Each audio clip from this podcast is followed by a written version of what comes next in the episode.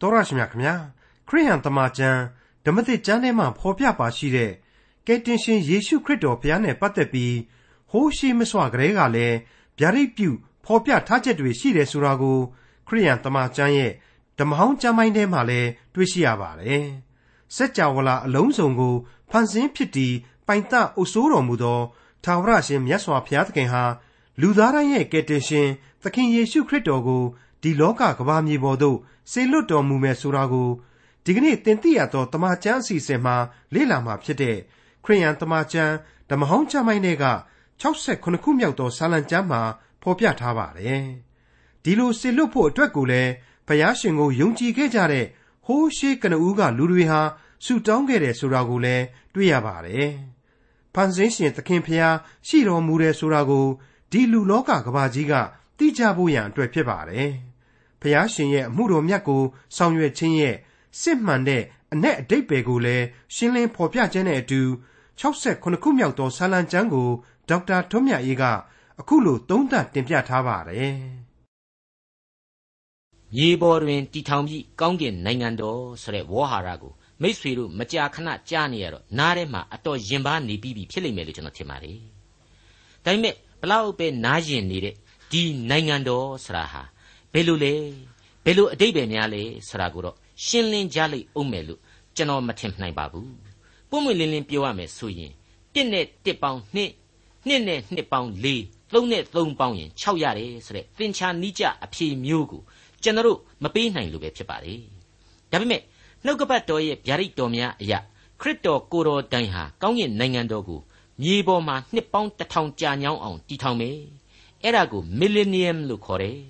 ဒီအချိန်ကာလကိုကိုတော်တိုင်အုပ်စိုးလိမ့်မယ်ဆိုတာကိုကျွန်တော်အလေးအနက်ယုံကြည်ထားကြပါတယ်ဒီအကြောင်းတွေကိုလည်းသင်သိရသောတမန်ကျမ်းရဲ့လာမယ့်ရှေ့အနာဂတ်သင်ခန်းစာတွေမှာကျွန်တော်ဟာအကောင်းဆုံးနဲ့အပီပြင်းဆုံးဖြစ်အောင်ဆက်လက်တင်ပြသွားအောင်မှာဖြစ်တဲ့အကြောင်းကြိုတင်ဖော်ပြထားနိုင်ကြပါလေအခုဒီကနေ့အဖို့ကျွန်တော်ပြင်ဆင်ထားတဲ့သင်ခန်းစာတွေကတော့အဲ့ဒီလိုခရစ်တော်ကယ်တင်ရှင်ကိုတော်တိုင်အုပ်စိုးမဲ့မြေကြီးပေါ်ကကောင်းကင်နိုင်ငံတော်အကြောင်းကို ကြိုတင်ဖော်ပြပြီးတော့ကြိုတင်ကောင်းကြီးပေးသွားမယ်ဇာလံထောမနာပြုသွားမယ်ဇာလံလို့ဆိုရမှာဖြစ်ပါတယ်ဟုတ်ပါတယ်ဒီကနေ့ရောက်ရှိလာတဲ့အမှတ်စဉ်68ခုမြောက်သောဇာလံပြီးခြင်းဟာဖြင့်အဲ့ဒီခရစ်တော်ရဲ့နိုင်ငံတော်ကိုရည်စူးထားသောဇာလံပဲဖြစ်တယ်လို့ကျွန်တော်ဆိုချင်ပါတယ်ဒါကိုတနည်းအားဖြင့်ဆိုရရင်လေအဖဖျားသခင်ရဲ့လူလောကဆိုင်ရာဏိဂုံးချုပ်ဆန္ဒတော် ဖျားသခင်ရဲ့အမှုတော်များပြီးပြည့်စုံခြင်းရဲ့မြင်ကွင်းပဲဖြစ်တယ်လို့ဒီဆာလံနဲ့ပတ်သက်ပြီးတော့တင်စားဖော်ပြနိုင်လိမ့်မယ်ဖြစ်ပါတယ်ထူးခြားချက်ကလေးတစ်ခုကတော့ဘုရားသခင်ဟာကဘာသစ်ကိုဖန်ဆင်းတဲ့နေရာမှာခုနှစ်ရက်အတွင်းပြီးပြတ်ခဲ့တယ်ဆိုတာကိုကဘာဦးကျမ်းအရာကျွန်တော်တို့နားလည်ခဲ့ရပါတယ်အခုဆာလံတီချင်းဟာအခန်းငယ်ခုနှစ်ခုပဲရှိနေတယ်ဆိုတဲ့တိုက်ဆိုင်မှုနဲ့ဒါကိုညှိနှိုင်းတွေးဆဖို့ပါပဲတချို့က ကျွန်တော်ကအဲ့ဒီလိုကနန်းအရေးအတွက်တည်နေကျွန်တော်ရဲ့ယုံကြည်ချက်ကိုဖော်ပြတာနဲ့ပတ်သက်ပြီးတော့မကြိုက်ကြဘူးလို့ကျွန်တော်ကြားရပါတယ်ကျွန်တော်နဲ့ညင်းနဲ့ခုံတဲ့ပုံကိုယ်တွေကလည်းမကြိုက်တဲ့အကြောင်းကိုကျွန်တော်ကိုပုံမှန်လင်းဝေဖန်တာကိုခံရဘူးပါလေခရိယန်ဖြစ်ပြီးတော့ဒီနံပါတ်တွေကိုယုံနေပေါ့အယူသီးတယ်ဆိုတဲ့သဘောပေါ့ဘသူပါပြောပြောကျွန်တော်ကတော့အခန်းငယ်ခုနှစ်ခုတို့ဟာပြေဝစုံလင်ခြင်းကိုအမှတ်တညာပြုနေတယ်နမိတ်ဖော်ပြနေတယ်လို့ပြက်ပြက်သားသားပဲခံယူလိုက်ပါတယ်မိတ်ဆွေအပေါင်းတို့ခမညာ ဒီကနေ့ရဲ့68ခုမြောက်သောဆာလံတီချင်းကိုဓမ္မတုတီတီအပေါင်းတို့ဟာဘုရားသခင်ရဲ့အမှုတော်ကိုဆောင်ရွက်ခြင်းအကြောင်းကိုဖော်ပြတဲ့ဆာလံလို့ယူဆကြတဲ့လူတွေများပါတယ်နိုင်ငံတော်တီထောင်လို့အပြီးမှာနိုင်ငံတော်တီလို့အပြီးမှာခရစ်တော်ရဲ့အသင်းတော်ကနေတဆင့်ကဘာကြီးကိုပြောင်းလဲစေမှာကိုပါဖော်ကျူးတဲ့ဆာလံဆိုတဲ့အဓိပ္ပာယ်ပေါ့ကျွန်တော်ကတော့အဲ့ဒီလိုဓမ္မတုတီတီအများခံယူတယ်လို့အမှုတော်ကိုဆောင်ရွက်ခြင်းဆာလံအဖြစ်ဖော်ပြတာကို သိပြီးတော့သဘောမကျပါဘူးမခံယူပါဘူးဆာလံတီချင်းတွေထဲမှာအသင်းတော်အကြောင်းကိုတင်စားဖော်ပြတာကလွဲလို့တခြားနည်းနဲ့ဖော်ပြတာကျွန်တော်တို့မတွေ့ရပါဘူးဟုတ်ပါတယ်ဆာလံတီချင်းတွေမှာမိတ်ဆွေတို့လိုက်ရှာကြည့်ပါအသင်းတော်နဲ့ပတ်သက်တဲ့အရေးအငွေ့အလွန်နှဲပါလှပါတယ်ဥပမာဆိုရင်45ခုမြောက်သောဆာလံမှာဆိုရင်အသင်းတော်နဲ့ပတ်သက်ပြီးတော့အောဖိယရွှေတစားဆိုပြီးတော့တင်စားဖော်ပြချက်တစ်ခုရှိခဲ့ပါတယ်ဒါဟာ ကပ်ကာလတရားစီရင်ခြင်းမှာခရစ်တော်ကိုတော်တိုင်အလွန်မြတ်နိုးသောအသင်းတော်ရဲ့အကြောင်းကိုတင်စားပြီးဖော်ပြထားတာပဲဖြစ်ပါတယ်အခိုင်အမာကြီးအသင်းတော်နဲ့ပတ်သက်ပြီးတော့ဗျာဒိတ်ပြုခြင်းမျိုးအဲ့ဒီနေရာကလွဲလို့များစွာနေပါတယ်လို့ကျွန်တော်ခံယူပါတယ်အခု68ခုမြောက်သောဆာလံကတော့အဲ့ဒီလိုအဖက်ဖက်ကပြည့်စုံတဲ့နိုင်ငံတော်ရဲ့အဆုံးသတ်သို့မဟုတ်ဘုရားသခင်ရဲ့လူလောကသမိုင်းအပြီးသတ်ချိန်အပြီးသတ်လိုက်သောအချိန်အကြောင်းကိုရည်ညွှန်းထားတာကိုကျွန်တော်တို့တွေ့နိုင်ပါတယ် အဲ့ဒီအချိန်ကာလဟာလောကကြီးတစ်ခုလုံးကောင်းကြီးမင်္ဂလာများနဲ့ထုံဝေးနေတဲ့အချိန်အလျံပဲကြွယ်ဝပြည့်စုံနေတဲ့အချိန်ထောမနာပြီးခြင်းများကိုလှိုင်လှိုင်တီဆိုနေရတဲ့အချိန်ပဲဖြစ်မှလည်းအသေးချာဖြစ်ပါတယ်အမှုတော်ကိုအသင်းတော်ကဆောင်နေရမယ့်အချိန်အသင်းတော်အနေနဲ့ထပြီးတော့အမှုတော်ဆောင်ဖို့လိုတဲ့အချိန်အရှင်းမဟုတ်တော့ဘူးလို့ကျွန်တော်လေးနဲ့စွာခံယူမိပါတယ်သိအရေးတကြီးစဉ်းစားရမယ့်နောက်တစ်ချက်ကတော့ နှုတ်ကပတ်တော်ကိုလေ့လာရမှာအလေးအနက်ပြုပြီးတော့အခြေခံထားသင့်လာတဲ့အချက်ကြီးတစ်ခုဖြစ်ပါတယ်အဲ့ဒါကတော့တခြားမဟုတ်ပါဘူးကျွန်တော်ခဏခဏပြောဘူးတဲ့အတိုင်းပဲနှုတ်ကပတ်တော်ဟူသောစားပြီးပြီလူသားနားမလည်နိုင်သောအရာများရှိနိုင်သည်အတိတ်ပဲမရှိသောအရာဟု၍မူတခုမျှမရှိသောစားပြီးဆိုတဲ့သစ္စာတရားပဲဖြစ်ပါတယ်။ဘာကြောင့်ကျွန်တော်ကဒီလိုဆိုရတယ်လဲဆိုတော့ဒါကိုဆက်လက်ပြီးတော့သရုပ်ခွဲမယ်ဆိုရင်နှုတ်ကပတ်တော်နှင့်ကျွန်ုပ်တို့လူသားများအားလုံးတို့သည် သက်ဆိုင်ခြင်းရှိသည်သို့သောနှုတ်ကပတ်တော်ကိုကျွန်ုပ်တို့လူသားများအရှင်းမပိုင်ဆိုတဲ့အချက်ပဲဖြစ်ပါတယ်ဟုတ်ပါတယ်နှုတ်ကပတ်တော်ဟာကျွန်တော်တို့အတွက်အသက်လမ်းဖြစ်ပါတယ်ဒီအသက်လမ်းဟာကျွန်တော်တို့နဲ့ဆိုင်ယုံသာဆိုင်နေကျွန်တော်တို့မပိုင်ဘူးတကယ်ပိုင်သအုပ်စိုးတာကဘုရားသခင်တပါးရီသာဖြစ်တယ်ပေးပိုင်တာကဘုရားသခင်တပါးရီသာဖြစ်တော်မူတယ်ဆိုတာကိုကျွန်တော်တို့သေသေးချာချာစုပ်ကိုင်နားလည်ထားဖို့ပါပဲ ဒီနှုတ်ကပတ်တော်တွေကိုကျွန်တော်တို့ကလေ့လာနေတဲ့နေရာမှာ interpretation လို့ခေါ်တဲ့ဓာတ်ရိုက်အတိတ်ပဲကောက်ယူခြင်းနည်းရယ် application လို့ခေါ်တဲ့မိညံကိုးကားခြင်းရယ်နီလန်းနှစ်သွေအပြိုင်ရှိနေပါလေ interpretation ရဲ့သဘောဟာ hermeneutics လို့ခေါ်တဲ့ဘာသာပြန်ဆိုမှုအတတ်ပညာအရာတိကျဖို့အလွန်လိုတယ်ပြတ်သားဖို့လိုတယ်စီကံကြနာဖို့လိုတယ်ကိုလိုချင်တဲ့အတိုင်းကိုဖြစ်စီခြင်းတဲ့အတိုင်းဖြစ်စီသည်ဘယ်လို့မှလုပ်လို့မရပါဘူး interpretation ရဲ့သဘောကိုပြောနေတာပါအတိတ်ပဲကတော့ပုံစံခွက်တဲကိုထည့်ပြီးတော့သတ္တုကိုလောင်းလိုက်သလိုအပြောင်းလဲအပြုတ်အပြင်အမွန်းအမှန်မခံတဲ့တသားတည်းကြနေစေသောပြန်ဆိုခြင်းဖြစ်တယ်ခိုင်မာသောရုပ်ထုများလိုပုံစံအတိအကျနဲ့ပေါ်ထွက်ခြင်းဖြစ်ဖို့လိုပါတယ် application လို့ခေါ်တဲ့မိညာကိုးကားခြင်းကတော့ဆွဲဆန့်လို့ရတယ်အလျော့အတင်းရှိနိုင်တယ် elastic ဖြစ်တယ်ဆိုတဲ့သဘောပေါ့ရှိဖို့အတွက်လည်းခွင့်ပြုထားတယ်လို့ကျွန်တော်ကဆိုချင်ပါတယ် ဘယ်လိုပဲပြောပြောနှုတ်ကပတ်တော်ကိုထိုက်တန်စွာအလျော့အတင်းပြုပြီးတော့မိညာကိုးကားဖို့ရန်အတွက်အခြေခံမှာတော့တိကျတဲ့ interpretation ပြန်ဆိုမှုဆိုတာဟာလေဘယ်လိုနည်းနဲ့မှမလွဲမရှောင်သွားအောင်ပါဝင်ရပါမယ်ဒါမှသာတရွာတပုတ်ဆန်းဆိုသလိုအကွတ်မဲ့ကြံဗျံပရာဘာသာလျှောက်ပြန်တာမျိုးတွေဘုရားသခင်ရဲ့နှုတ်ကပတ်တော်ကိုကိုကြိုက်ရာတွေဆွဲပြီးတော့ကြိုက်တယ်လို့ဘာသာပြန်ပြီးတော့အသရေရုပ်လျော့ခြင်းမျိုးတွေဖောင်းကြွပျက်စီးခြင်းမျိုးတွေ မဖြစ်ဖဲရှိနေရမှာအသေးချပါပဲဖောင်းကြွပျက်စီးခြင်းမျိုးဆိုလို့နော်ကယ်တင်ရှင်သခင်ခရစ်တော်ကိုယ်တိုင်ကနှုတ်ကပတ်တော်ကိုအဲ့ဒီလိုဖောင်းကြွပျက်စီးအောင်လုပ်တဲ့အချိန်ကြီးရောက်လာလိမ့်မယ်ဆိုတာကိုသူ့ရဲ့ခရစ်ဝင်ကျမ်းတွေထဲမှာဆုံးမထားခဲ့တဲ့အချက်တွေရှိပါတယ်အထူးသဖြင့်မုံညက်တဲကိုတဆေးထည့်လိုက်တာမျိုးမလုပ်ရဘူးဆိုတဲ့ဥပမာကိုဆောင်းခဲ့တာကိုကျွန်တော်တို့ခရစ်ဝင်ကျမ်းတွေမှာတွေ့ကြရပြီးသားဖြစ်ပါတယ်ဒီတဆေးဆိုတာကိုနှုတ်ကပတ်တော်မှာကောင်းတဲ့နေရာမှာဘယ်နေရာမှမသုံးဘူး တဆေးအားဖြင့်ဖောင်းကားတယ်ဆိုတာဟာကောင်းတဲ့အချက်မဟုတ်ဘူးဆိုတာကိုကျွန်တော်အထက်ထပ်ရှင်းပြခဲ့ပြီးဖြစ်ပါတယ်မိษွေအပေါင်းတို့ခမညာအတိအကျဘာသာပြန်ဆိုခြင်း interpretation မိညာကိုးကားခြင်း application ဆိုတာတွေနဲ့ပတ်သက်ပြီးတော့ဥပမာပေးရမယ်ဆိုရင်ပြည်တန်တဲ့ဗရမ ्या ကြီးတစ်လုံးကိုပြလိုက်ထဲကမှန်အိမ်ကြီးထဲမှာထည့်ပြီးတော့ပြသထားတယ်ဆိုပါတော့ဒါကိုလူသားတိုင်းဟာလူချင်းတက်မြကြတယ် မကြည့်ပဲလဲမနေနိုင်လောက်အောင်အစင်းအယောင်ကြီးကလည်းတောက်ပြီးတော့ရဲရဲတွတ်နေအောင်ဒီဗရမ ्या ကြီးဟာဆွဲဆောင်မှုရှိနေတယ်တန်ဖိုးမဖြတ်နိုင်လောက်အောင်ရှိတဲ့ယရနာကြီးမို့လို့လေသက်ဆိုင်ရာအာနာပိုင်တွေကလည်းအရေးတကြီးကြီးနဲ့ထိမ့်သိမ့်ထားကြတယ်လုံခြုံအောင်စောင့်ရှောက်ထားကြတယ်ဒါဆိုရင်ဒီပရမ ्या ကြီးဟာသူ့ပင်ကိုမှာကိုပဲတန်ဖိုးဟာအရန်ကြီးနေတယ်အသုံးချဖို့အတွက်ကြတော့ကြွားဖို့နဲ့အရေးတကြီးကြီးကြည်နေုံကလွဲပြီးတော့ ဘာမှအသုံးချတန်ဖို့မရှိဘူးဆိုတာဟာနားလေနိုင်လောက်ပါတယ်ဒါပေမဲ့အဲ့ဒီလိုအသုံးချတန်ဖိုးမရှိတဲ့တန်ဖိုးကြီးလာတဲ့ဒီပရမ ्या ကြီးကိုအသုံးချတန်ဖိုးရှိလာခြင်းရင်တော့တိသူ့ကိုတိကျတဲ့ပုံစံဖြစ်အောင်တွေးရမယ်နှစ်ထိုက်တန်တော်လျော်တဲ့နေရာမှာသုံးဆွဲပေးရလိမ့်မယ်အဲ့ဒီတော့တွေးတာဟာတိကျတဲ့ပုံဖော်ခြင်းသို့မဟုတ် interpretation နဲ့ဆင်တူတယ်အသုံးပြုတာဟာ application နဲ့ဆင်တူတယ် interpretation နီးအားဖြင့်တိကျစွာပေါ်ထွက်လာတဲ့ဒီဗရမ ्या ဟာအရွယ်အစားပုံတရံနဲ့အချိုးအစားအရာလက်စွပ်အနေနဲ့သင့်လျော်ရင်လက်စွပ်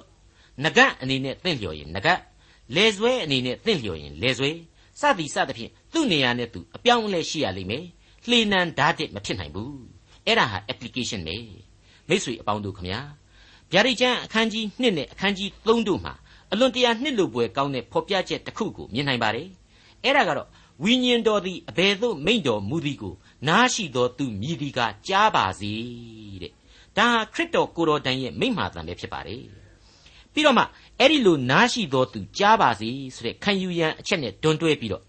အာရှိအရက်ဒေသကအသင်းတော်ကြီးခုနှစ်ပါးနဲ့သက်ဆိုင်တဲ့မတူညီသောဗျာဒိတ်တော်များကိုဖော်ပြလိုက်ပြန်ပါတယ်ဒီတော့ဒါဟာအဲ့ဒီလိုနာမည်တက်ပြီးဖော်ပြထားတဲ့အသင်းတော်ကြီးခုနှစ်ပါးတဲ့ကတပားစီအတွက် သီးသန့်ဗျာဒိတ်တော်တွေဖြစ်တယ်ဆိုတာဟာရှင်းမနေဘူးလားတစ်ခုစီအတွက်တိကျသောပုံစံ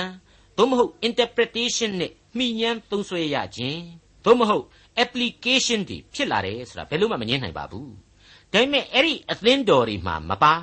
အမည်နာမနဲ့လည်းဖော်ပြမထားတဲ့ဒီကနေ့ကျွန်တော်တို့အသင်းတော်တွေအတွက်ဝိညာဉ်တော်လမ်းပြတဲ့အတိုင်းဖျားသခင်ဟာမိမိတို့ကိုဒီအသင်းတော်ခုနှစ်ပါးနဲ့သက်ဆိုင်တဲ့ဗျာဒိတ်တော်တွေအားဖြင့် ဘယ်လိုဆုံးမပေးနေသလဲဆိုတာကိုကျွန်တော်တို့ကဆွဲယူခံယူနိုင်ခွင့်ရှိတယ်ခံယူကြပါဆိုပြီးတော့ခရစ်တော်ကစောစောကအတိုင်းဖော်ပြလိုက်တာပဲဝိညာဉ်တော်သည်အဘယ်သို့မိန့်တော်မူသည်ကိုနားရှိတော်သူမြည်သည်ကကြားပါစေတဲ့ရှင်းနေတယ်မဟုတ်ဘူးလားကျွန်တော်တို့ကဒီဗျာဒိတ်ကျမ်းတွေကဖော်ပြချက်တွေကိုဝိညာဉ်တော်ရဲ့လမ်းပြတော်မူခြင်းအတိုင်းခံယူကျင့်သုံးတတ်တယ်ခံယူကျင့်သုံးနိုင်တယ်ကျင့်သုံးကြဆိုပြီးတော့ခရစ်တော်ပြောလိုက်တာပဲ ဒါကိုဘသူကမှဇောရကတက်နိုင်ကြတော့မယ်မဟုတ်ပါဘူး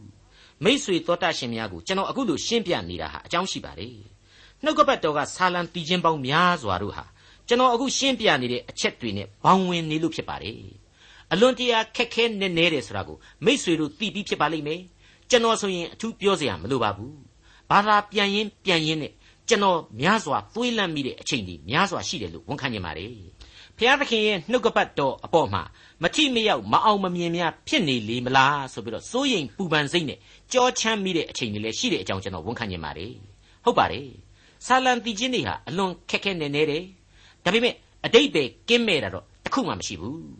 ဘာဖြစ်လဲဆိုတော့တန်ရှင်းသောဝိညာဉ်တော်ကိုယ်တိုင်ကရေးသားထားတယ်လို့ကျွန်တော်အလေးနဲ့ယုံကြည်တယ်ရေးသားတဲ့ဆာလံဆရာတွေရဲ့စိတ်နှလုံးထဲမှာတန်ရှင်းသောဝိညာဉ်တော်လမ်းပြမယ် သူတို့ရဲ့ကလောင်တီကညစ်တီမှာတန်ရှင်းသောဝိညာဉ်တော်ဟာဥဆောင်သွားလိမ့်မယ်ကျွန်တော်ဖော်ပြခဲ့ပြီးပြီနော်ဒီနှုတ်ကပတ်တော်ကကျမ်းနေဟာကျွန်တော်တို့ကဆိုင်ယုံသာဆိုင်တာကျွန်တော်တို့မပိုင်ဘူးဒီနှုတ်ကပတ်တော်ဟာကျွန်တော်တို့အတွက်အသက်လမ်းဖြစ်နေတယ်အဲ့ဒီအသက်လမ်းကိုကျွန်တော်တို့ကကြိုးစားပြီးအတိတ်ပဲပြန်ဆိုနိုင်တယ်အသက်လမ်းပေါ်ကိုရောက်အောင်ကြိုးစားပြီးတော့တက်လှမ်းနိုင်တယ်ဒါပေမဲ့ဒီအသက်လမ်းကိုချထားပေးတာဘုရားသခင်ဒီအသက်ကိုပိုင်တာဟာ ကယ်တင်ရှင်သခင်ခရစ်တော်ပဲအဲ့ဒီဖော်ပြခဲ့ပြီးတဲ့အခြေခံခံယူရမယ့်အချက်တွေကိုမူတည်ပြီးတော့ကျွန်တော်သုံးသပ်မိတာကတော့စောစောပိုင်းကကျွန်တော်ဆိုခဲ့တဲ့အတိုင်းပဲအခု68ခုမြောက်သောဆာလံတီချင်းဟာဖြင့်ဘုရားသခင်ရဲ့အမှုတော်ဆောင်ခြင်းအကြောင်းကိုဖော်ပြတဲ့ဆာလံမဟုတ်နိုင်ပါဘူးဒါပေမဲ့ဘုရားသခင်အမှုတော်ကိုနားလေစေသောဆာလံသာဖြစ်တယ်လို့ကျွန်တော်တင်ပြလိုက်ပါရစေအခုအချိန်မှာတော့68ခုမြောက်သောဆာလံကိုကျွန်တော်တို့စတင်လေ့လာသွားကြပါတော့မယ် ဒီဆာလံတီချင်းမှာဆိုရင် bless us သို့မဟုတ်ကျွန်ုပ်တို့ကိုကောင်းကြီးပေးပါစေသောဆရာဟာ၃ချိန်တိုင်တိုင်ပါဝင်ပါတယ် praise be သို့မဟုတ်ကိုတော်ကိုချီးမွမ်းကြပါစေသောဆရာ၄ချိန်တိုင်တိုင်ပါဝင်ပါတယ်ပြီးတော့အလွန်အရေးကြီးတဲ့အုပ်စုခွဲ၃ခုပါဝင်နေတယ်လို့ကျွန်တော်ဆိုချင်ပါတယ်အဲ့ဒါတွေကတော့ကကြီးအနန္တတကုရှင်ဘုရားသခင်ကိုသုံးပါးပေါင်းတဆူတည်းသောဘုရားသခင်အဖြစ်ခံစားထိတွေ့စေရမယ်အဓိကရအချက် အပါအဝင်15ချိန်ထောမနာပြုထားတယ်ဆိုတဲ့အချက်ခကွေငါတို့သို့မဟုတ်ရွေးကောက်တော်မူသောလူမျိုးတော်ငါတို့ဣတရီလာဆိုတဲ့နံကို6ကြိမ်ဖော်ပြထားတယ်ဆိုတဲ့အချက်။ကငယ်မြေကြီးသားများသို့မဟုတ်ကဘာပေါ်မှာရှိသောလူမျိုးများအားလုံးကိုခြုံငုံဖော်ပြထားတဲ့မိษွေနဲ့ကျွန်တော်တို့အပါအဝင်ဣတရီလာမဟုတ်တဲ့လူသားအားလုံးနဲ့သက်ဆိုင်တဲ့နံကို၉ကြိမ်သုံးဆွဲထားတယ်ဆိုတဲ့အချက်ပဲဖြစ်ပါတယ်။ အလွန်အလွန်ပြေဝဆုံလင်းလှတဲ့68ခုမြောက်သောဆာလံတီချင်းကိုစတင်ပြီးဖွင့်လှစ်လိုက်တာကတော့အငယ်တစ်ပါ။ဖျားသခင်သည်အကျွန်ုပ်တို့ကိုတနာခြင်းဂယုဏစိတ်တော်ရှိသဖြင့်ကောင်းကြီးပေး၍မျက်နှာတော်၏အလင်းကိုလွတ်တော်မူပါစေသောဒဒါဟာသုံးပါးတစုဖြစ်တော်မူသောဘုရားသခင်ကိုဖော်ပြလိုက်တဲ့ကြံကြက်ပါပဲ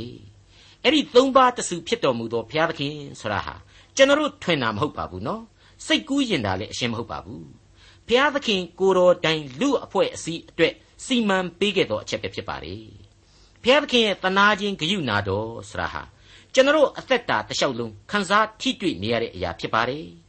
ဘုရားသခင်ပေးသနာတဲ့ကောင်းကြီးမင်္ဂလာဆိုတာဟာဒီကနေ့ကျွန်တော်တို့ကိုရစ်ပတ်ထားတဲ့အံ့ဩပွေကောင်းလှသောတန်ရှင်းသောဝိညာဉ်တော်ကိုယ်တိုင်ပဲဖြစ်ပါလေ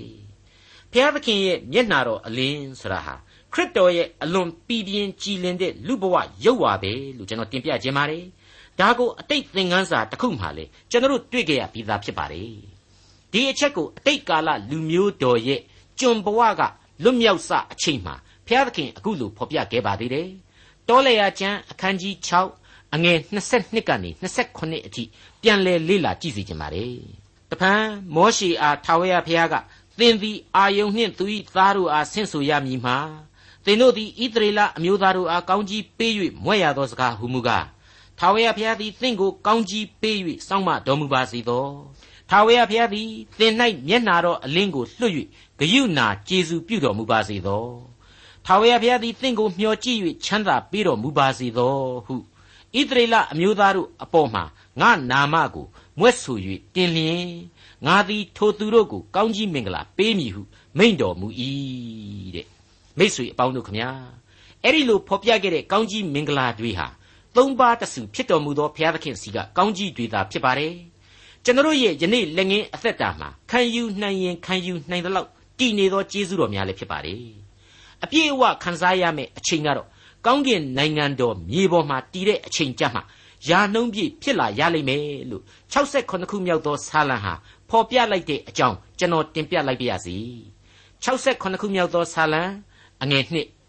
ထို့သောအဖြစ်မြေကြီးသားတို့သည် အမှုတော်ကိုသိ၍ခတ်သိမ်းသောလူမျိုးတို့သည်ကယ်တင်တော်မူခြင်းကျေးဇူးတော်ကိုခံရကြပါစေသောမိတ်ဆွေအပေါင်းတို့ခမညာအနန္တတကုရှင်ဘုရားသခင်ဆရာဟာလောကသားအလုံးကိုချစ်တော်မူတယ်ကယ်တင်တော်မူတယ်ဆိုတာတွေကိုရှင်းဖို့တောင်မှထပ်ပြီးတော့ဖော်ပြဖို့တောင်မှမလိုတော့လောက်အောင်ဒါဝိဒ်ရဲ့ဗျာဒိတ်တော်ဟာပြည့်စုံနေပြီလို့ကျွန်တော်ထင်ပါတယ်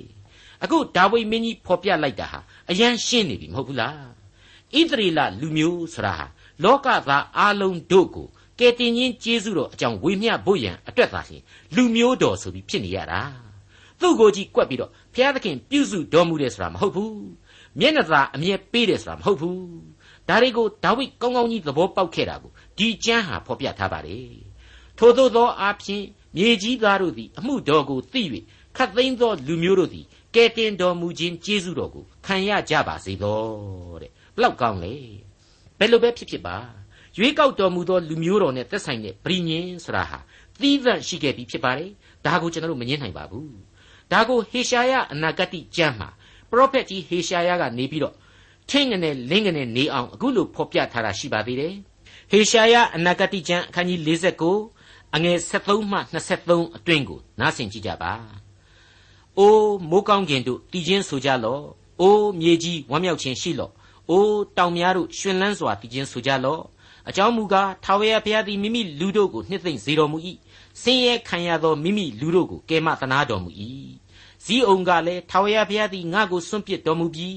ဖျားရှင်သည်ငါ့ကိုမေ့လျော့တော်မူပြီးဟုဆိုလေသောမိမသည်မိမိဖွာသောသားကိုမသနာသည်တိုင်အောင်မိမိနို့စို့သူငယ်ကိုမေ့လျော့နိုင်သလော အကယ်၍မေ့လျော့တော်လဲသင့်ကိုငါမမေ့မလျော့ငါသည်ကိုလက်ဝါး၌သင့်ကိုစာထိုးပြီးသင်ဤမြို့ရိုးသည်ငါရှိမှအစဉ်ရှိ၏သင်ဤသားသမီးတို့သည်အလျင်အမြန်ပြုကြလိမ့်မည်သင့်ကိုလူယူဖျက်ဆီးသောသူတို့သည်သင့်ထံမှထွက်သွားကြလိမ့်မည်အရရက်သို့မျှော်ကြည့်လော့ဤသူအပေါင်းတို့သည်စုဝေး၍သင့်ထံသို့လာကြ၏ထာဝရဘုရားမိန့်တော်မူသည်ကားငါအသက်ရှင်သည်ဖြစ်၍သင်သည်တင့်တယ်သောအဝတ်ကိုဝတ်တဲ့ကဲ့သို့ဤသူအပေါင်းတို့သည်ဝတ်လိမ့်မည် မင်္ဂလာဆောင်သူတို့သမီးပြုသည်ဤတူတစားဆင်လိမ့်မည်သင်၌သုတ်သင်ပယ်ရှင်းသောအယက်ပျက်စီးသောပြည်သည်နေသူများသောကြောင့်ကျင်းကြလိမ့်မည်သင်ကိုကြိုက်စားသောသူတို့သည်လည်းဝေးကြလိမ့်မည်သင်ဤသားများဆုံးပြီးမှတဖန်ရပြန်သောသားတို့ကနေရာမလောက်ပါနေစရာအရက်ကိုပေးပါဟုသင်အားတောင်းကြလေဦးမည်သင်ကလည်းဤသူတို့ကိုငါအားအဘယ်သူဖြစ်ပွားစေသနည်းငါသည်သားဆုံးသောသူစိတ်ညံလျက်နေရသောသူနှင်ထုတ်ခြင်းကိုခံရသဖြင့် အဝေးသို့လဲရသောသူဖြစ်၍ဤသူတို့ကိုအဘယ်သူမွေးစားသနည်းငါသည်တယောက်ကြီးနေရသည်ဖြစ်၍ဤသူတို့သည်အဘယ်မှရှိကြသနည်းဟုအောက်မေ့ကြလိမ့်မည်အရှင်ထာဝရဘုရားမိန့်တော်မူသည်ကားကြည့်ရှုလော့ငါသည်အတိုင်းတိုင်းအပြည်ပြည်၌နေသောလူမျိုးတို့အားလက်ကိုချီ၍အလံကိုထူသဖြင့်သူတို့သည်သင်၏သားသမီးတို့ကိုလက်နှင့်ပွေ့၍ပခုံးပေါ်မှထမ်းလျက်ဆောင်ခဲ့ကြလိမ့်မည်ရှင်ဘရင်တို့သည်သင်၏ဘာတွေမိဖုရားတို့သည်လည်းသင်ကိုမွေးစားသောအမိဖြစ်ကြလိမ့်မည် သင်ရှိမှဥညွတ်ပြတ်ဝ၍သင်၏ခြေ၌မြေမှုန့်ကိုရက်ကြလိမ့်မည်ငါသည်ထာဝရဘုရားဖြစ်ကြောင်းကို၎င်းငါကိုမျှော်လင့်သောသူတို့သည်ရှက်ကြောက်ခြင်းမရှိကြောင်းကို၎င်းသင်သိလိမ့်မည်အဲ့ဒီလိုဖော်ပြထားခြင်းဖြစ်ပါတယ်ကပ္ပဦးကျမ်းတွေမှာကြားခဲ့ရတဲ့အာဗြဟံဆိုတဲ့ယုံကြည်သူကြီးကနေတဆင့်ပေးခဲ့တဲ့လောကဆိုင်ရာပရိညင်ကြီးဟာရှင်းရှင်းကြီးအသက်ဝင်နေပြီသင်ဤအမျိုးအနွယ်အဖြစ်ကမ္ဘာလူသားများအားလုံးကိုငါကောင်းကြီးပေးမယ်ဆိုတဲ့ အလွန်ခိုင်မာသလောက်အရေးရောက်လာတဲ့ပရိညင်ကြီးကိုကျွန်တော်မြေကြီးသားများအားလုံးဟာဘယ်တော့မှမေ့ထားလို့မရနိုင်ပါဘူးဒီဆာလံတီချင်းအမှတ်စဉ်69အားဖြင့်လေမြေလောကသားအားလုံးတို့အပေါ်မှာကောင်းကြီးကိုဖြစ်စေခဲ့ပြီလို့ကျွန်တော်ယင်ထဲမှာခန်းစားရပါတယ်အငယ်3နဲ့4ကိုဆက်လက်နားဆင်ကြည့်ကြပါအိုဖျားသခင်လူများတို့သည်ကိုတော်ကိုချီးမွမ်းကြပါစေသောလူများအပေါင်းတို့သည်ကိုတော်ကိုချီးမွမ်းကြပါစေသော လူအမျိုးမျိုးတို့သည်ဝမ်းမြောက်၍ရှင်လန်းစွာတည်ခြင်းဆိုကြပါစေသောအကြောင်းမူကားကိုတော်သည်လူတို့ကိုဖြောက်မတ်စွာတရားစီရင်၍မြေကြီးပေါ်မှရှိသမျှသောလူမျိုးတို့ကိုချမ်းသာပေးတော်မူမည်တဲ့ကျွန်တော်စောစောတုန်းကပြောခဲ့တဲ့အတိုင်းပဲနော်ဣသရေလရဲ့လို့လူဖြစ်မလာခင်ကတည်းကလူဆိုတာဟာသူဖန်ဆင်းပြီးတော့သူကိုယ်တိုင်ဝိညာဉ်ကိုမှုတ်သွင်းပေးခြင်းခံရတဲ့တ attva ဒါကြောင့်သူချစ်တယ်ဘုရားသခင်ဟာသူ့ကိုအားကိုးယုံကြည်သူအာဗြဟံဆိုတဲ့လူကြီးကနေတဆင့် အဲ့ဒီသူချစ်တဲ့ကမ္ဘာလောကသားအားလုံးတို့ကိုကောင်းကြီးကျေးဇူးပြုတော်မူမယ်ဆိုတာကိုရှင်းရှင်းကြီးဗျာဒိတ်ပြုခဲ့ပြီးပြီကျွန်တော်ယင်ထဲမှာရှိတဲ့အတိုင်းကျွန်တော်ပြောရမယ်ဆိုရင်တော့ခရစ်တော်ရဲ့ကောင်းကင်နိုင်ငံတော်ဆိုတာဟာအလွန်ကျယ်ပြန့်တဲ့ကျေးဇူးတော်နိုင်ငံကြီးဖြစ်လိမ့်မယ်လူသားအပေါင်းတို့ဟာလည်းကယ်တင်ရှင်ကျေးဇူးကိုအခုမျက်မှောက်ကာလမှာခံစားရတတ်တဲ့ပို့ပြီးခံစားထိတွေ့ကြရလိမ့်မယ်လို့လေးနဲ့စွာယုံကြည်မိပါတယ်ဟေရှာယအနာဂတိကျမ်းအခန်းကြီး66 အငယ်16မှာပြန်ကြည့်မယ်ဆိုရင်လေအခုလိုတွေ့နိုင်ပါတယ်အချိန်တန်မှဘာသာစကားခြားနာသောလူအမျိုးမျိုးအပေါင်းတို့ကိုငါစည်းဝေးစေသဖြင့်သူတို့သည်လာ၍ငါဤဘုံကိုဖူးမြင်ကြလိမ့်မည်ထိုသူတို့တွင်အလံကိုငါထူမည်ဘေးလွတ်သောသူတို့ကိုတာရှုပြီးဖုလပြီးလေးလက်နှင့်သုံးတတ်သောလူဒပြီးတုပလပြီးယာဝန်ပြီးမှစ၍ငါဤနာမကိုမကြားငါဤဘုံကိုမမြင် ဝေးစွာသောတကြွတနိုင်ငံအရတ်သို့ဆေလွတ်သဖြင့်တပားအမျိုးသားတို့တွင်ငါဤဘုံကိုဟောပြောကြလိမ့်မည်တဲ့ဘလောက်ကောင်းလဲဟောပြောကြလိမ့်မည်ဆိုလို့ဒါကိုတရားဟောတယ်လို့သွားပြီးမထင်နဲ့နော်ကြည်ညာခြင်းဖြစ်တယ် declare ဆိုပြီးတော့အင်္ဂလိပ်ကျမ်းမှာဖော်ပြထားပါတယ်68ခုမြောက်သောစာလံအငယ်9အိုဖျားသခင်လူများတို့သည်ကိုတော်ကိုချီးမွမ်းကြပါစေသောလူများအပေါင်းတို့သည်ကိုတော်ကိုချီးမွမ်းကြပါစေသော ချီးမွမ်းထောမနာပြုတဲ့အသံတွေဟာအဲ့ဒီခရစ်တော်ရဲ့ကောင်းကင်နိုင်ငံတော်မှာပဲ့တင်ထက်လောက်အောင်ဆူညံနေမှာအမှန်ပါပဲဟုတ်ပါတယ်မြေကြီးပေါ်မှာရှိသမျှသောလူမျိုးတို့အတွက်ကယ်တင်ခြင်းကျေးဇူးတော်ကိုသူ့ရဲ့ဘုန်းတော်အဖင်ဘုရားသခင်ဟာချပေးလိုက်ပြီဖြစ်လို့ပါလူအချင်းချင်းတွေကလိုက်လံဟောပြောနေစရာမလိုတော့ပါဘူး ဣသရေလဆိုတဲ့ဂျူးကလေခါနန်ဟာငါတို့ပြီငါတို့တိုက်ယူရမယ်ငါတို့ပြန်ပြီးတော့လူယူရမယ်ဆိုတဲ့လောကအစွဲအလန်းတွေထားနေဖို့မလိုတော့လောက်အောင်ပြီးပြည့်စုံနေပြီလို့ကျွန်တော်လေးနဲ့စွာခံယူနေပြီပါတယ်68ခုမြောက်သောဆာလံအငယ်6မြေသည်မိမိဗန္တာကိုပေး၍ဘုရားသခင်ဒီဟုသောငါတို့၏ဘုရားသခင်သည်ငါတို့ကိုကောင်းကြီးပေးတော်မူ၏ကဲအဲ့ဒီခရစ်တော်ရဲ့နိုင်ငံတော်မှာအပြစ်ဆိုတာရှိနိုင်ပါသေးသလားကျိန်စာဆိုတာကို ရှိနိုင်ပါသေးသလားအကျွင့်မဲ့ပြေဝစုံနေတဲ့အံ့ဩပွေသောအချိန်သမယမှန်ရှင်းနေအောင်တွေ့မြင်ရပြီမဟုတ်ဘူးလားဘုရားသခင်ရဲ့ကောင်းကြီးကြောင့်သက်မဲ့မြေကြီးနဲ့လောကရတစ်ခုလုံးဟာလေအုံအုံကြွပြီးတော့သက်ရှိလူသားတို့အတွက်လိုလေသေးမရှိအောင်ပြန်ပြီးတော့ကျေးဇူးပြုလာကြလိမ့်မယ်တဲ့68ခုမြောက်သောဆာလံအငယ်9ဏီကုံဘုရားသခင်သည်ငါတို့ကိုကောင်းကြီးပေးတော်မူအောင်မည်